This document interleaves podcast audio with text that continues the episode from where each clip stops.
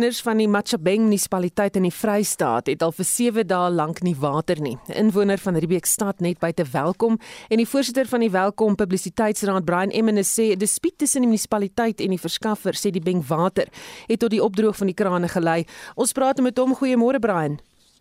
Môre Susan, uh, gaan dit goed daar by julle? Met my gaan dit goed, maar julle is 7 dae al sonder water. Word daar aan julle gekommunikeer hoekom daar nie water is nie?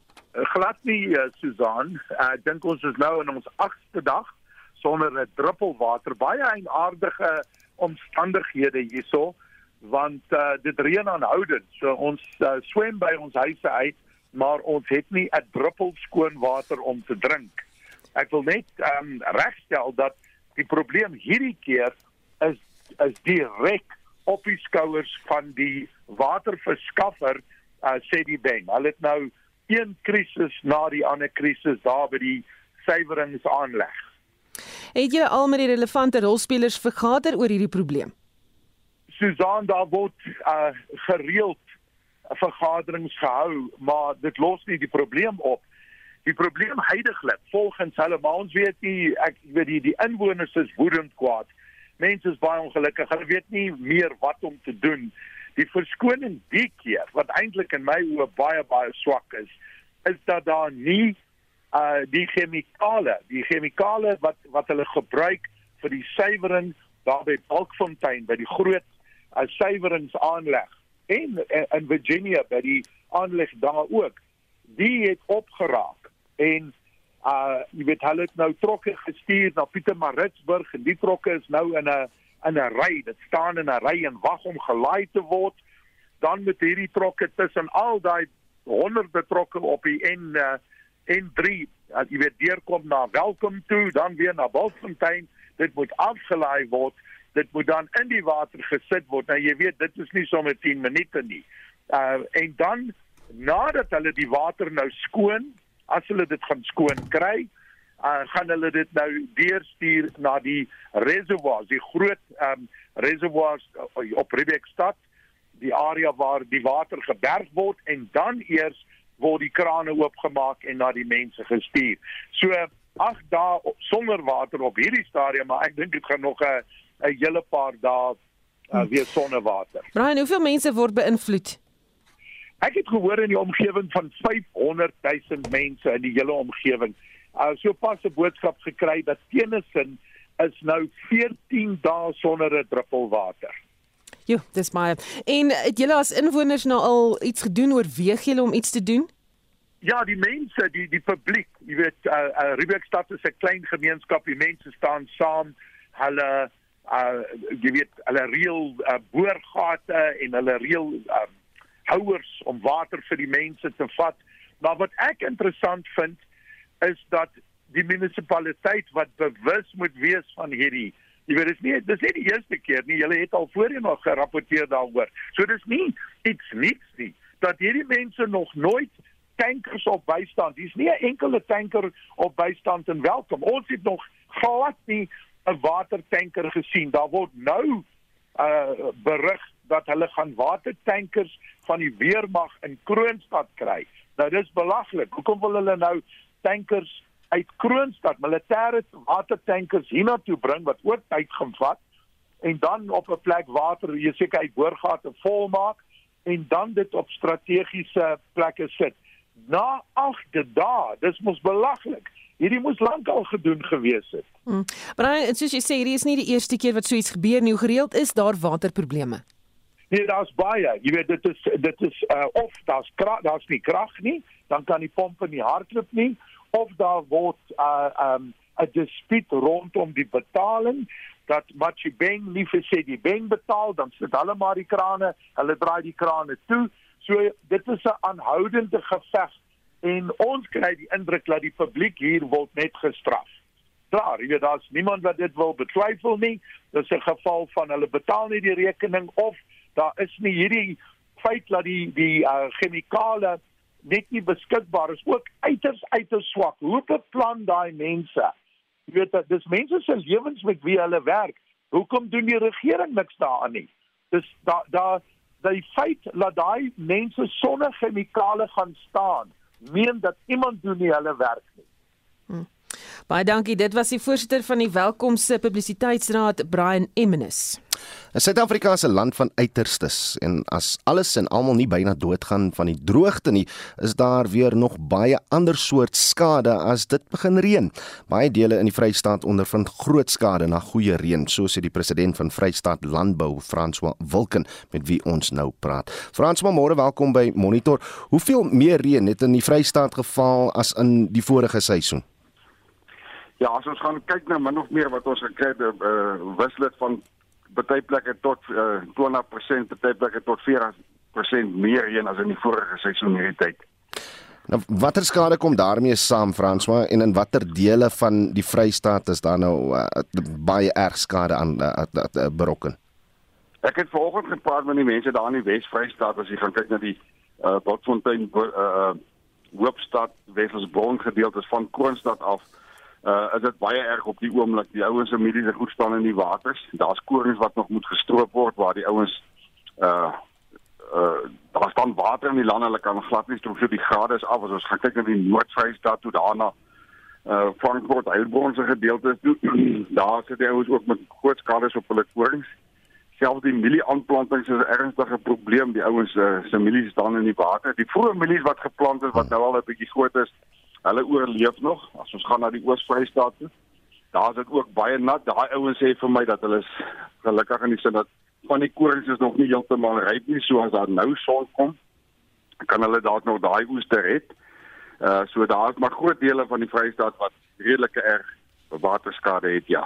So so wie staan op die oomblik ons boere by? Is dit nou elke man vir homself of is daar 'n bietjie bystand? Ja, ons loop daar kan bystand wees, maar dit is maar een van die dinge van die natuur. Ons kan nie teen die natuur beklei nie. As ons nou weer gaan na die dele toe ons ons het groot brande gehad in die Vrystaat uh, hierdie winter.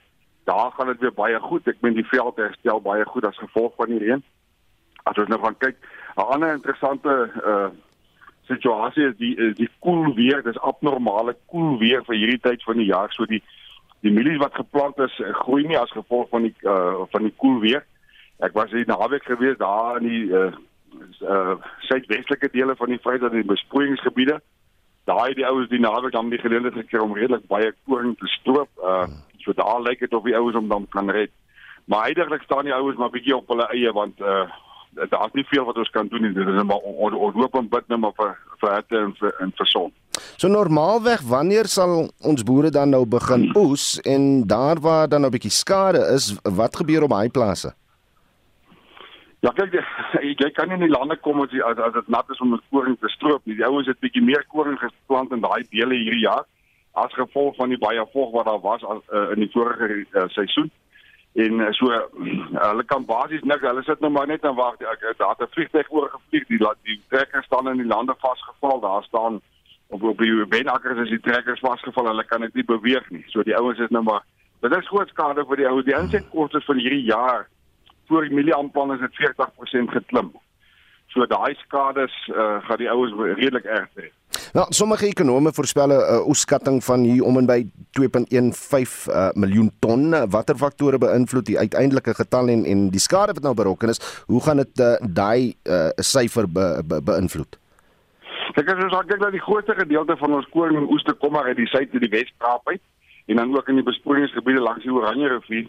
So uh, die invloed wat gaan wees in die Vrystaat se koringaanplanting wat nou groot skade gekry het, dinge gaan nie so groot invloed hê op die totale oeskatting. Maar dit is baie moeilik op hierdie stadium om te gaan kyk wat die die invloed op die oeskatting gaan wees. Ja, dit was François Wilken, die president van Vrystaat Landbou. 721 en ander nuus. Die aantal kinders wat in pediatriese eenhede in hospitale met COVID-19 opgeneem word, daal geleidelik. Die deel van die bevolking is slegs 30%, maar was tot nou 12% van die totale COVID-gevalle en 5% van hospitaalopnames. Die departement gesondheid sê die kinders wat veral kwesbaar is, is die onder 1 jaar oud en wat onderliggende siekte toestande het. Mitsi van der Merwe berig. Die opname van kinders met COVID-19 by verskeie gesondheidsinstellings noop die vraag of kinders teen die siekte ingeënt behoort te word of nie. Daar is in hierdie stadium geen enstof vir kinders onder 12 jaar oud in Suid-Afrika goedgekeur nie. Professor Janey Kloete is by die pediatriese eenheid van die Steve Biko Akademiese Hospitaal in Pretoria. Should children be vaccinated? If your child is older than 12 and is eligible for vaccination, I would say yes, you should take your child to be vaccinated as it is the only way we can protect our children against severe disease. For children younger than 12, currently vaccination is not approved for children 5 to 12, although it is approved overseas. And it will have to be approved by SAPRA first before we are able to vaccinate children in that age group. 'n Groep anti-inenting nie-regeringsorganisasies het die Hooggeregshof in Pretoria genader om die regering uit te daag teen die toediening van COVID-19 en stof vir kinders. Gerald Hardy is van die Hope for Humanity groep. It's a court case all about stopping SAPRA from jabbing the children. You know, they've pitched up at schools even without asking parents for their consent, and they keep bringing the age down. And despite WHO saying it's a 99.96% recovery, they're still uh, hell bent on getting these vaccines into the kids. But we are resisting. There's numerous different uh, parental groups and uh, different political parties that are saying enough already. Die ALR vir gesondheid in Gauteng Nomathemba Mokgethi sê die meeste ouers is gewillig om hulle kinders in te ent ten spyte daarvan dat sommige wel beswaar maak. Like here in Tshwane, since we started vaccinating the 12 to 17 years old, we have vaccinated more than 4000. And most of the parents, as we interact with them, they are telling us that they just want their children to write exams, and then after the exams, they will then bring them. Some of them, they just come without being accompanied by parents. But we are encouraging them as Gauteng to say, even though you can take that decision on your own, but we always encourage the parents to accompany them so that they can also observe them after they're vaccinated. Professor Kloete sê die opname van kinders met verskeie siektes by die pediatriese eenheid het betekenisvol verminder. Compared to the previous 3 weeks ago when we had uh, many admissions, most children are admitted with mild to moderate disease, which means we can manage the children with supportive measures and most of them will be able to go home within 1 to 4 days after they were admitted. We have a few children, as always, that are admitted with more severe disease, but often they have other conditions with the COVID that increases their risk for severe COVID. Meer as 90000 mense is aan COVID-19 verwante simptome in Suid-Afrika dood na die uitbreking daarvan in 2020. Faniel Shuma het hierdie verslag saamgestel. Mitsi van der Merwe SAK nuus. 25 minute oor 7. Die bestuurder van Winpro se span wingerd boukundiges, Konrad Skutte, sê hulle verwag 'n goeie, maar kleiner wyndryfoes in 2022. Hy sê dit is te danke aan gunstig, uh, gunstige weerstoestande en bestendige reënval vanjaar in die aanloop van die 2022 wynryfoes wat van Januarie tot April volgende jaar strek dat die eerste van vier oeskattings aan dat uh, die oes ietwat kleiner gaan wees in vergelyking met die 2021 oes. Die oes word op hierdie baie vroeë stadium beraam op 1.426 miljoen ton. Dit is ongeveer 2.2% kleiner as die groot oes wat in 2021 by kelders ingeneem is. Hierdie beraming is egter steeds groter met plus minus 80 000 ton as die 5 jaar bedryfsgemiddelde oessyfer van ongeveer 1.345 miljoen. So die hoofdrywers van hierdie goeie oes is 'n baie goeie winter waar ons baie goeie winterreënval gekry het in die Wes-Kaap en die Wes-Kaapse damvlakke goed laat styg het so gedurende die middel van September net voor die begin van die groeiseisoen het die gesamentlike damvlakke op 81% gestaan. Ons het ook voldoende koue gekry, soos weerspieël in die gereelde sneeu neerslae op bergpieke, tesame met bestendige reëns wat die grondwatervlakke aangevul het en oor die algemeen tot uitstekende winterseisoen bygedra het. In die Noord-Kaap lyk die watervoorsiening uit die valstelsel ook tans baie goed. Die lente het nader gekom en met meestal koel lente en nat grondtoestande het dit daartoe gelei dat wingerde ongeveer 14 dae later as normaal gebot het. Die bot was egter baie mooi en egalig en dit het 'n baie goeie fondasie vir die groeiseisoen gevorm. Warmer weer in November het die groeitempo versnel en meeste van die wingerde het gedurende blomtyd ingehaal en was ongeveer 5 dae later as normaal met blom. Van die vroeë kultivars het goed geblom, maar sommige van die later kultivars soos Cabernet Sauvignon het gedurende die koel en nat uh, winderige toestande geblom en die sukses daarvan word tans ondersoek. Is daar sekere streke wat uitdagings beleef het? Daar is sekere streke wat ons vermoed 'n groter oes sal hê en dan ook ander streke wat ons vermoed 'n kleiner oes sal hê as in 2021.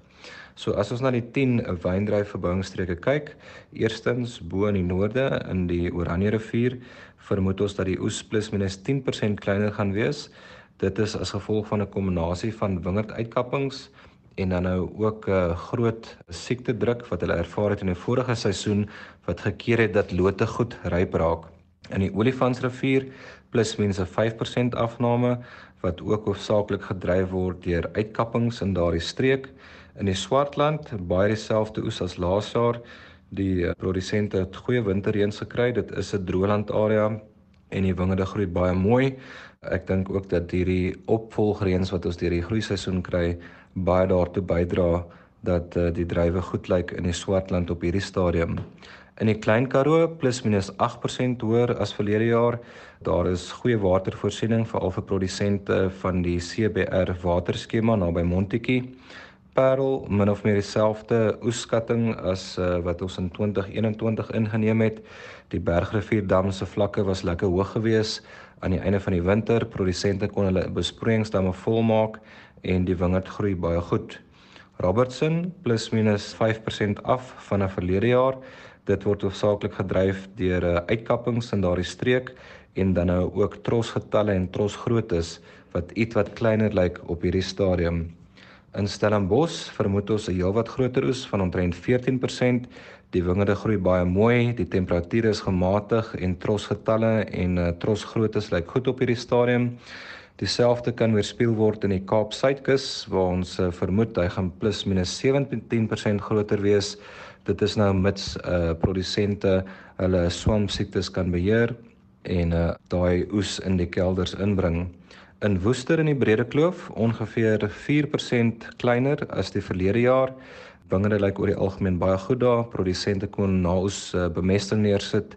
Die wingerde het baie goed gebot en uh, goed geblom, maar op hierdie stadium lyk dit veral of die cultivar Chenin Blanc 'n bietjie ligter as normaal is in daardie streke. So altesaam gee dit dan nou vir ons 'n afname van plus minus 2.2% af van laas jaar af en ons skat die oes op ongeveer 1.426 miljoen ton wat dan nou steeds 80000 ton bo jaar die 5 jaar gemiddeld is. En wanneer kan ons die volgende oeskatting verwag?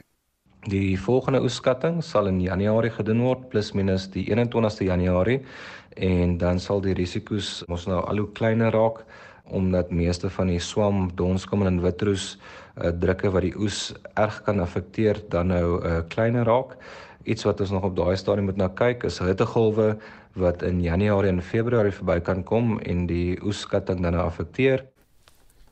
En dit uh, is natuurlik 'n verslag wat saamgestel is deur Vincent Mofokeng. Reg Heinrich, wat eet ons luisteraars hierdie Kersfees? Op op Facebook Oudo laat weet Renwil die jong beplanning speel 'n groot rol as die belaglike tyd van hemelhoë pryse aanbreek. Koop vroegtydig Moenie wag vir November en Desember nie. Dis Randwil die jongse raad aan mense wat nou kla oor die hoë korspryse en, en nie weet wat gaan hulle maak vir Kersdag of Nuwejaarsdag nie. Marian Durker sê ek het 'n klein besigheid om my pensioen aan te vul. Ek verkoop hoender en rooi vleis wat ek van boere aankoop. Ehm um, ek sit 'n paar rand by en dan herverkoop ek dit. Ons het daarvan gepraat, die mense kla, hulle kry swaar, maar daar is tog gekoop al die diersnitte. Gwyneth Holzhausen sê daar is nie geld nie. My gesin sal tevrede moet wees met wat ek kan voortsit. Voorsit liewer 'n bak aartappelslaai en gebraaide hoender, dis die goedkoopste. Ek sal vir hulle jelly en vla gee vir pudding, geen geskenke nie. En die groblaar sê ons doen maar die potjie kos ding. So 'n pot kan nogal rek en jy kom weg met goedkoper snitte en baie groente. Maar dit maak nie saak wat ons eet nie, ons is dankbaar om ons kinders en ons familie om ons tafel te hê. My lewe is net die lewe is net 'n asem lank. Maritjie Lyker sê vleis het absoluut onbekosbaar onbekostigbaar duur geword. Bittermin kan dit nog bekostig. Dis nou maar die tyd om dit sterk te oorweeg om maar 'n vegetariër te word. Laat die ou skaapies en die besies maar daar in die velde wy sodat dit mooi lyk en hulle omkap van die ouderdom, maar ek betaal wragtig die R600 vir 'n skaapbout nie. 45889 dis ons SMS nommer of jy praat saam hier op Facebook. Die Facebook bladsy naam Monitor en Spectrum op RSG.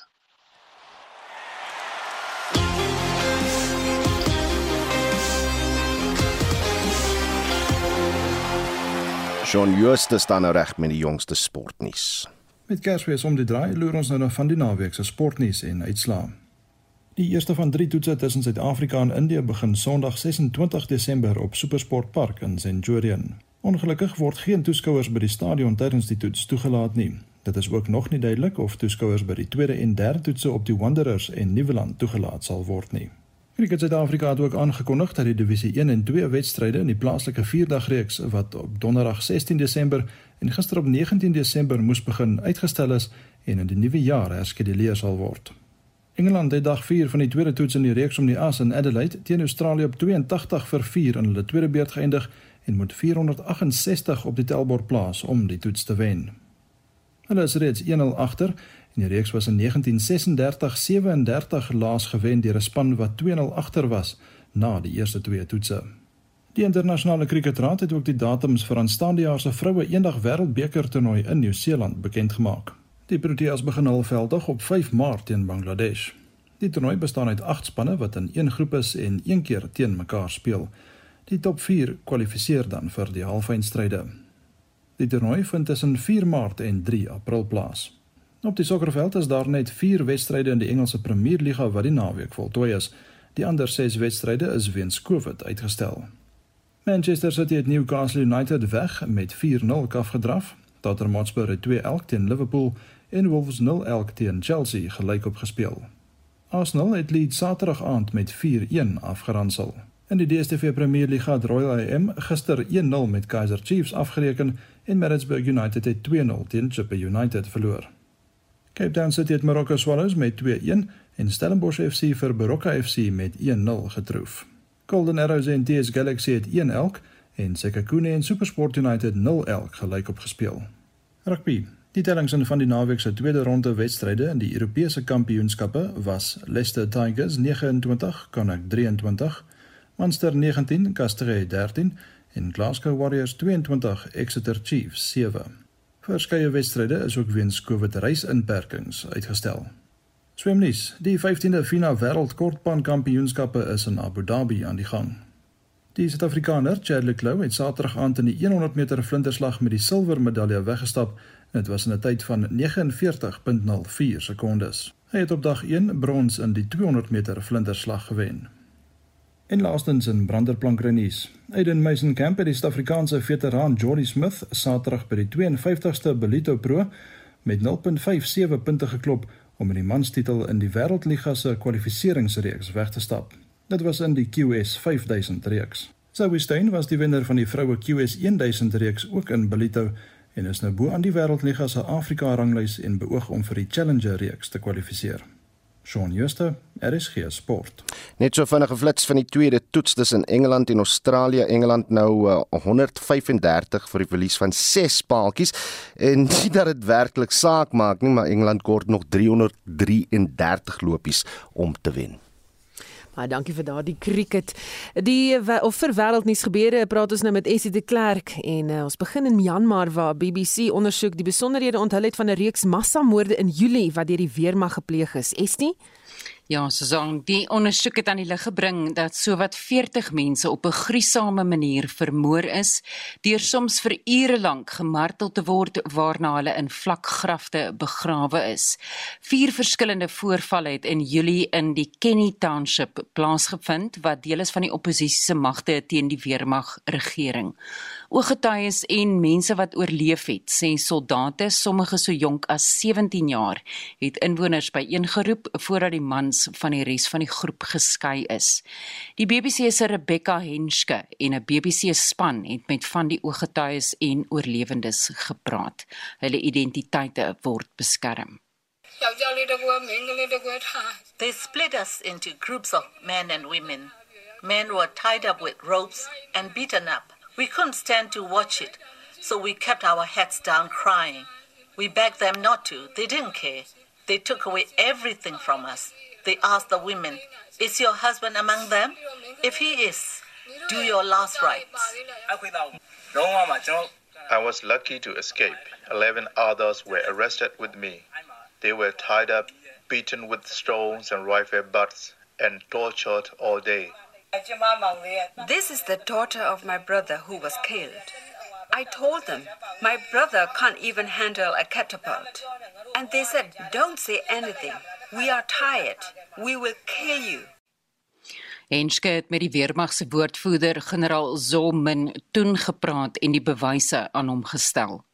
We spoke to numerous witnesses who described the same thing that soldiers took away men, farmers, locals who were not involved in politics or fighting and they tortured them for hours till their death. I'm not denying that incidents such as this in Guinea could happen. It can happen. For us, the Damador, we follow our rules with regard to war zones and engagement. When they treat us as enemies and open fire on us, we have the right to defend ourselves.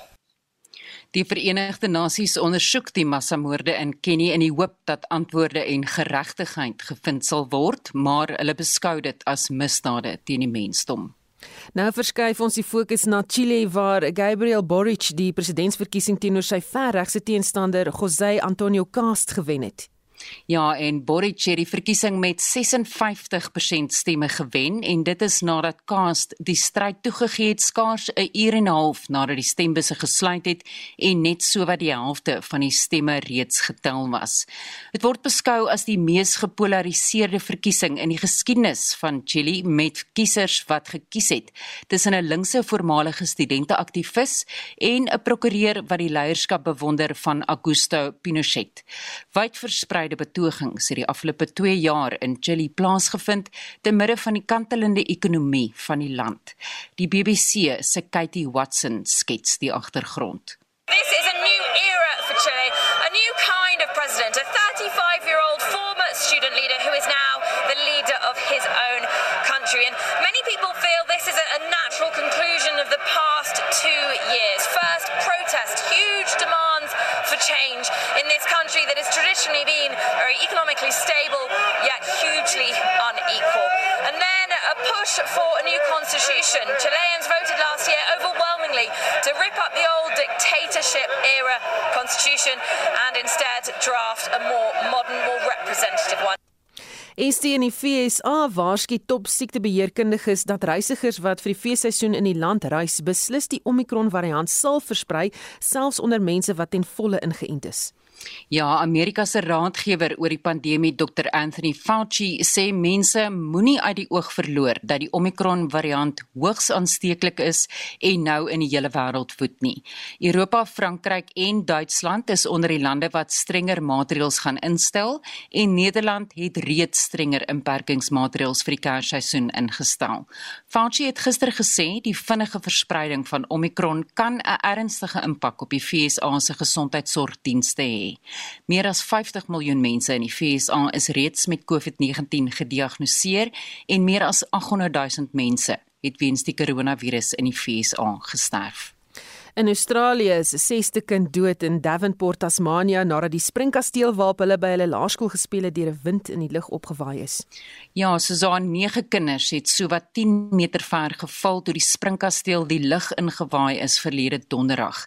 Die sesde kind wat gister oorlede is, was 11 jaar oud. Nog twee kinders is steeds in 'n kritieke toestand in die hospitaal. Die polisie sê daar is steeds nie sekerheid oor hoe dit gebeur het dat die springkasteel die lug ingewaai is nie en daar word ondersoek ingestel of dit behoorlik in die grond geanker was. 'n Aanlyn fondsinsameling vir die families is van stapel gestuur en sover is meer as 1,3 miljoen Australiese dollar ingesamel. En dit was Essie de Klerk met 'n oorsig oor vandag se wêreldnuus. 17 minute voor 8. Die uitvoerende direkteur van Corruption Watch wat die organisasie in Januarie 2012 gestig het, David Loos, tree uit. So ook die voorsitter van die raad, Mavuso Msimang, nadat sy tweede termyn op die raad verstryk het. Loos besin oor sy tyd by Corruption Watch. There were individual highlights some of the litigation that we engaged in was important. Some of the campaigns that we undertook were successful and important. But I really think that the highlight was achieving our objective of an informed citizenry combating corruption, which we did largely utilizing the media as our access to the public, although we did a lot of community based work as well. Die oogmerk was om ondersoek te doen te litigeer, navorsing oor hofsaake, maar belangriker nog, 'n groot kommunikasie-eenheid wat met die publiek skakel. Dit is 'n platform waar mense hulle teenkanting van korrupsie aanhoudend kan uitdruk. Daarsonder sou die werklikheid heel korrup wees. We turned up like uh, Russia or even in India in which corruption is just accepted as a way of life. And I'm pleased that South Africans haven't accepted that yet. And I think we have something to do with that by no means. We're by no means the only organisation that does, but we have a fair amount to do with that. Corruption Watch is bedrywig waar die burgerlike samelewing die staats- en privaatsektore se belange kruis.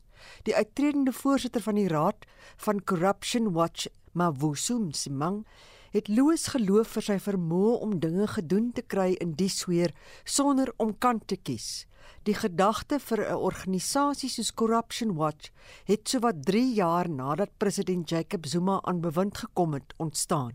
There was at the time a growing concern about corruption and it was Zuma Vavi who was then head of COSATU and who you may recall was one of the very few voices very few people with a public profile who were speaking out against corruption. So he was receiving significant numbers of reports of corruption, both from his own members and from the general public. And he brought together some of his old union comrades and, and uh, some other community leaders to talk about how we dealt with this. Die gevolg was Corruption Watch. But I think it was already then evident that the Zuma administration was a very corrupt administration. Louis beklemtoon dat die stryd teen korrupsie moeilik is. Certainly more of the same needs to be done. I mean, one really needs to keep the public engaged and informed, and that's why media have a vital role, other civil society organizations have a vital role. But I mean, there are other urgent tasks, and they are really difficult tasks the law enforcement agencies have to be transformed. One thing, appointing new heads of those agencies, and it's important that new heads of the agencies have been appointed, but the agencies are the NPA, the Hawks, others, the police themselves are in very bad shape. Dan, net so belangrik sê Loos, moet die staatsbeheerde organisasies getransformeer word.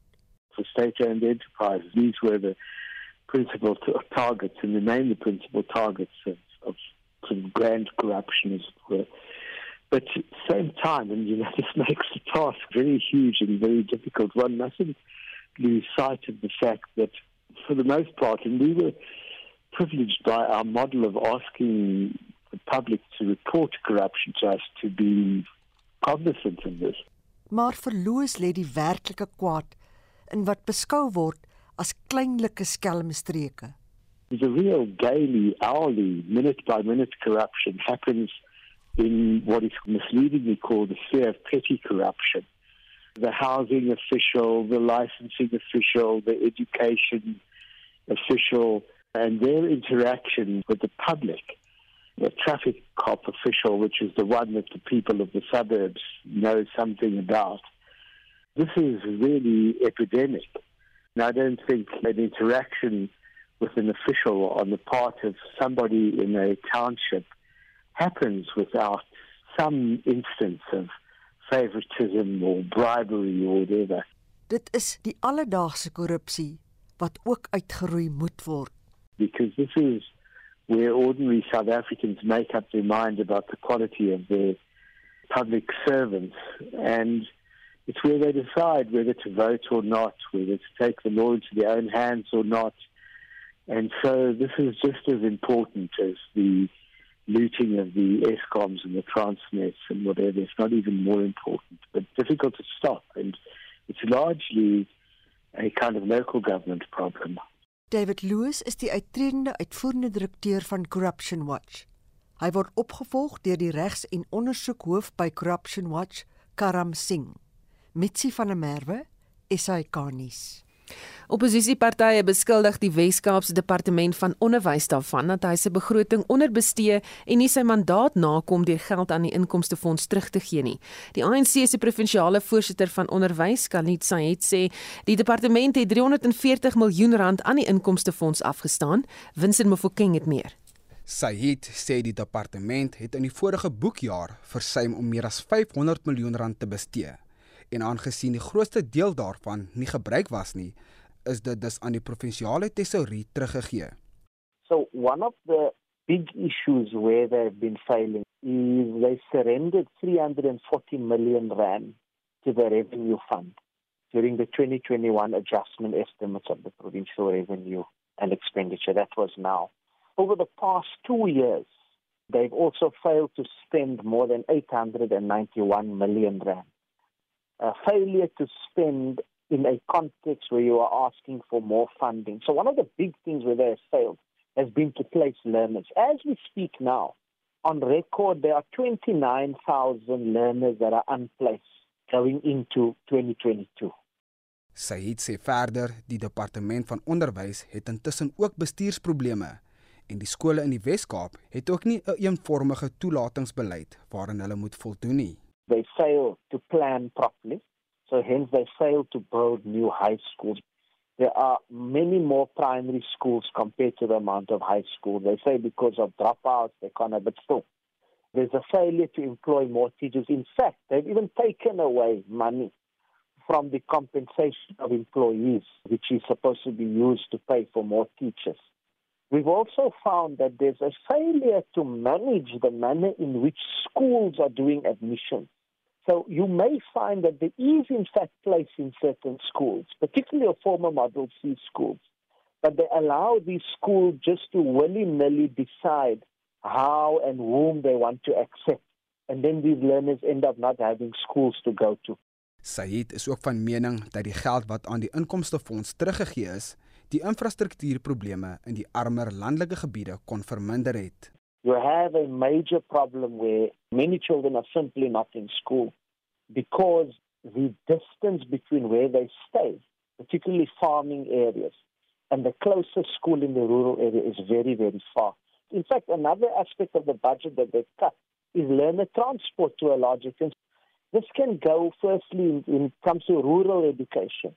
The money can go into ensuring that learner transport routes properly funded. Then also in terms of our actual rural schools, your Wi-Fi, much more resources can then be put into ensuring that Wi-Fi and internet connection is in place at this. So that these learners can also have access to computers, so doing the kind of things that schools in the metro are able to do. Die Wes-Kaapse minister van onderwys, Debbie Schiefer, het haar departement se onderbesteding van sy begroting in die afgelope boekjaar blameer op swak kontrakteerprestasie en vertragings in die konstruksiebedryf as gevolg van die pandemie. Sy sê die departement het geen infrastruktuurfinansiering verloor nie, soos deur die ANC beweer word nie.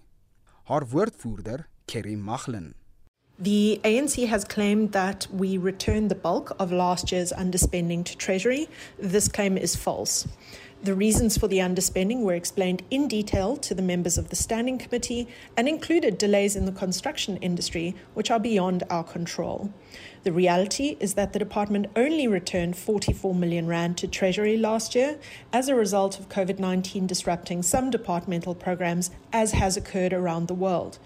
That was just 0.18% of last year's budget. Other money that was underspent in the last financial year has been rolled over, and in fact, the slightly delayed infrastructure projects, because of delays in that industry, had already been completed when the annual report was discussed. So the narrative of huge amounts of funding being given back is false. Intussen sê Maglen dat die departement die befondsing herprioritiseer het deur 500 miljoen rand toe te wys aan voorkomende instandhouding aan kapitaalprojekte vir nuwe skole. We have reprioritized our infrastructure funding by reallocating 500 million rand from preventative maintenance to capital projects for new schools and repurposing facilities over 2 years. allocating 150 million in this financial year to small ad hoc projects to accelerate school repair work and to make more classrooms and specialist learning facilities available allocating 100 million rand to corrective maintenance projects that help schools deal with vandalism, climate change and similar challenges, and deferring 290 million of our preventative maintenance budget to the next financial year as we replan our maintenance budget to ensure more contractor predictability and incentivize contractors not to renege on their commitments. Despite this, the department is still making 18,640 extra places available in our schools next year to relieve the pressure for placement. Dit was Kerry Maglin, die woordvoerder van die Wes-Kaapse minister van onderwys. Ek is Vincent Mufokeng vir SAK nuus. Reg laaste gehoor van 100 tong. Heinrich, wat sê ons luisteraars? Goeie Magda, kos hulle natuurlik laat weet. Ja, kos veral vleis is te duur vir pensionaars. Die kinders het ook nie belang om te help nie, maar ons bly dankbaar vir alles. En dan Hannetjie Keet van Kreersdorp sê ons gaan oor nuwe jaar Clarence toe. Al die vleis wat oorbly word gevries en saamgevat ek maak sommer daar ekstra vingerhappies. Iemand anders skryf ek maak vir ons tong met mosterdsaus, marmelade, gammon, hoender en 'n varkboutjie met lewer met lemoensous en slaai en die pudding is gekleurde jelly en kondensmelk. Ons het beplan ons bout en uh, tong lê reeds. Ons het beplan daarvoor so ons bout en tong lê reeds en wag. Ons gaan vandag ons soutvleisie koop. Kersfees kom net een keer 'n jaar. Ehm um, en dit is wat iemand hier op die SMS lyn skryf. Iemand anders sê ek wonder net met hierdie vreeslike verhoging van vleispryse, hoeveel gaan na die arme boere wat geweldige onkoste het. Solank die middelman sy geld kry, het hulle vrede met die boere. Iemand anders sê, "Hm, en van my gunstelinge, ek eet afval." En dan uh, sê Suzet uh, Jordan, ons is getroue tiende betalers, lees Maleagi in die Bybel. Dit is 'n goddelike beginsel. Ons het vier vleismitte vir die jaar. Dankie Abba Vader vir u voorsiening. Rita skryf die boere kry veilings en wanneer hulle vee verkoop, rekordpryse vir die senterskool groot winste. Altyd sê hierdie jaar vervang 'n heerlike stuk silversaai die skaapbod maar die kalkoen en die een, die gee ek nie op nie. En dan Pieter Engelbrecht wat sê of wat vra na aanleiding van 'n vroeëre boodskap, wat gaan aan met Krimora se prys? Maar nie van die rooi skryf, ehm maar nie verskyn van Hermanus skryf, hoender maar rooi vleis is al lank al uit vir my. Dan is la prins wat sê ek eet net wat ek kan bekostig. Hoender vis en vark vir ons reg deur die jaar. Ja, ek het nou ons laaste naaste slagter gegaan en gevra dat hulle skaapbot op die skaal moet sit oor nuwe aarde, 'n hele 6 miljoen rand meer. Ek kan dit bekostig nie. Nou hierdie laaste een Lambert uit Port Elizabeth of Kebega wat sê ek sal maar met die Kersmaal net vir die kinders 'n paar resepte uit die kook en geniet voorlees. As hy nou nie terugvoer, ek weet ook van iemand wat sê hulle het so arm groot geword, hulle kry lus vir niks nie. Is die spektrum vanmiddag tussen 12 en 1, wat is op die spektrum spyskaart? Susan die ministeriële advieskomitee oor COVID-19 het aan die minister van gesondheid aanbeveel dat daar se muur weggedoen moet word met kwarantyne en kontakopsporing en dit sal nou deur die koronavirus bevelsraad bespreek word. Ons kyk na die openbare deelname proses voordat parlementslede onlangs gestem het of grond sonder vergoeding onteien moet word en die dissiplinêre verhoor teen die SAIK se nuushoof Patiswa Magopeni duur vandag voort. Dit en meer op Spectrum tussen 12 en 1 vanmiddag. daarmee groet die monitorspan. My naam is Susan Paxton en ek is Oudo Karelse.